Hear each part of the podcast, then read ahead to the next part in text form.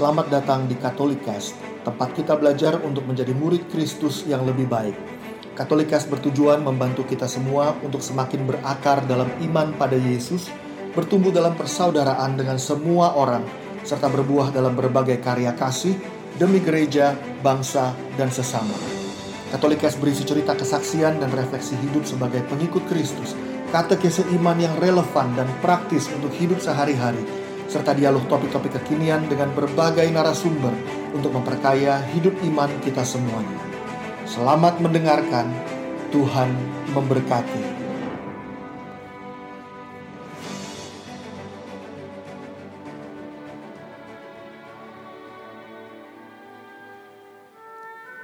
Halo semuanya, kita berjumpa lagi di dalam refleksi bacaan hari Minggu dan kali ini kita akan membaca bersama dari bacaan hari Minggu 25 Oktober 2020.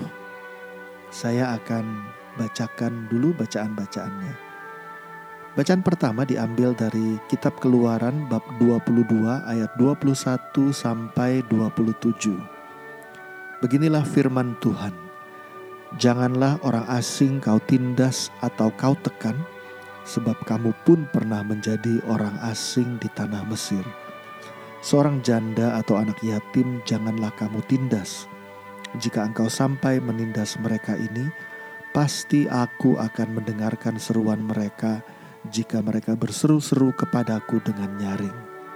Maka murkaku akan bangkit dan aku akan membunuh kamu dengan pedang sehingga istrimu menjadi janda dan anak-anakmu menjadi yatim.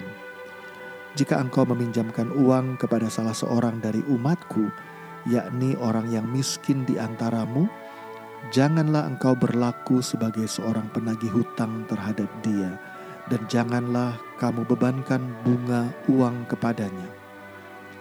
Jika engkau sampai mengambil jubah temanmu sebagai gadai, maka haruslah engkau mengembalikannya sebelum matahari terbenam, sebab hanya itu sajalah penutup tubuhnya, hanya itulah pemalut kulitnya.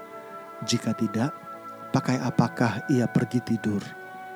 Maka apabila ia berseru-seru kepadaku, aku akan mendengarnya, sebab aku ini pengasih.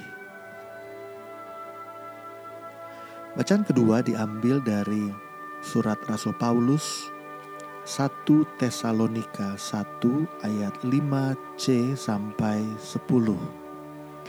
Saudara-saudara, kamu tahu bagaimana kami bekerja di antara kamu demi kepentinganmu dan kamu telah menjadi penurut kami dan penurut Tuhan. Dalam penindasan yang berat, kamu telah menerima firman Tuhan dengan sukacita yang dikerjakan oleh Roh Kudus, sehingga kamu telah menjadi teladan untuk semua orang yang percaya di wilayah Makedonia dan Akaya. Karena dari antara kamu firman Tuhan bergema, bukan hanya di Makedonia dan Akaya di mana-mana telah tersiar kabar tentang imanmu kepada Allah, sehingga kami tidak usah berbicara lagi tentang hal itu. Sebab mereka sendiri bercerita tentang kami, bagaimana kami kamu sambut, dan bagaimana kamu berbalik dari berhala-berhala kepada Allah untuk mengabdi kepada Allah yang hidup dan benar, yang telah dibangkitkannya dari antara orang mati, yaitu Yesus yang menyelamatkan kita dari murka yang akan datang. Bacaan Injil diambil dari Injil Matius bab 22 ayat 34 sampai 40. Ketika orang-orang Farisi mendengar bahwa Yesus telah membungkam orang-orang Saduki, berkumpullah mereka. Seorang dari antara mereka, seorang ahli Taurat, bertanya untuk mencobai dia, "Guru, hukum manakah yang terbesar dalam hukum Taurat?" Jawab Yesus kepadanya, "Kasihilah Tuhan Allahmu dengan segenap hatimu, dengan segenap jiwamu, dan dengan segenap akal budimu." Itulah hukum yang utama dan yang pertama. Dan hukum yang kedua yang sama dengan itu ialah Kasihilah sesamamu manusia seperti dirimu sendiri. Pada kedua hukum inilah tergantung seluruh hukum Taurat dan kitab para nabi. Teman-teman semuanya, bacaan hari ini mengingatkan kita dengan sangat jelas untuk mengasihi. Pada bacaan yang pertama, kita dengarkan Allah berfirman agar kita tidak menindas orang-orang yang lemah, melainkan bermurah hati, berbelas kasih kepada mereka. Ini diungkapkan dengan sangat jelas oleh Yesus lewat pesan Injil. Waktu ditanya hukum mana yang terutama, Yesus menjawab dengan seruan yang kita semua sudah tahu dengan jelas. Kasihilah Tuhan Allahmu dengan segenap hatimu, segenap jiwamu, segenap akal budimu. Itulah hukum yang terutama dan yang pertama kata Yesus. Dan hukum yang kedua yang sama dengan itu artinya sama pentingnya, sama kuatnya ialah kasihilah sesamamu manusia seperti dirimu sendiri. Kita ingat di bagian lain kitab suci Yesus juga pernah bilang bahwa kita perlu mengampuni sampai 70 kali tujuh kali. Waktu ditanya soal kasih, Yesus juga bilang bahwa gak ada kasih yang lebih besar daripada seorang yang mengorbankan nyawanya bagi sahabat-sahabatnya. Lalu Yesus sendiri menunjukkan itu dengan mati bagi sahabat-sahabatnya orang berdosa. Pertanyaannya bagi kita adalah bagaimana kita bisa mencintai seperti Allah memerintahkan kita untuk mencintai dengan belas kasih yang begitu besar.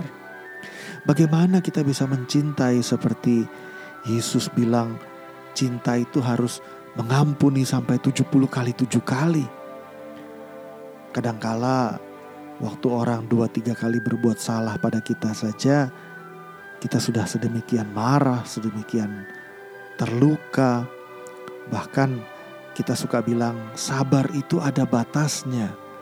Padahal di Korintus misalnya Paulus mengatakan bahwa kasih itu sabar. Jadi orang yang punya kasih itu pasti sabar. Kalau kita sampai nggak sabar, itu artinya pertama-tama bukan orang lain yang bermasalah, tapi aku kurang kasih.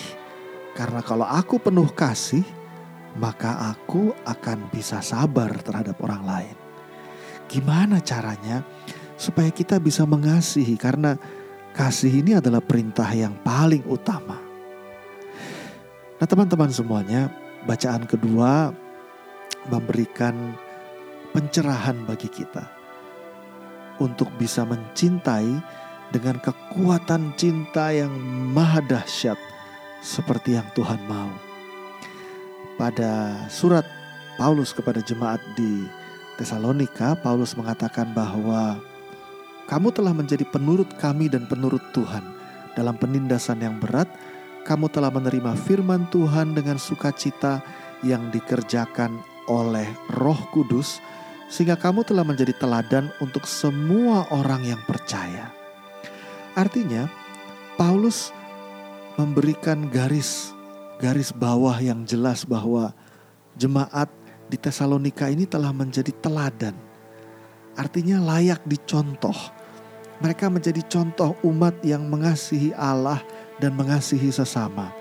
Tetapi mereka bisa menjadi teladan karena mereka telah menerima firman Tuhan dengan sukacita yang dikerjakan oleh Roh Kudus.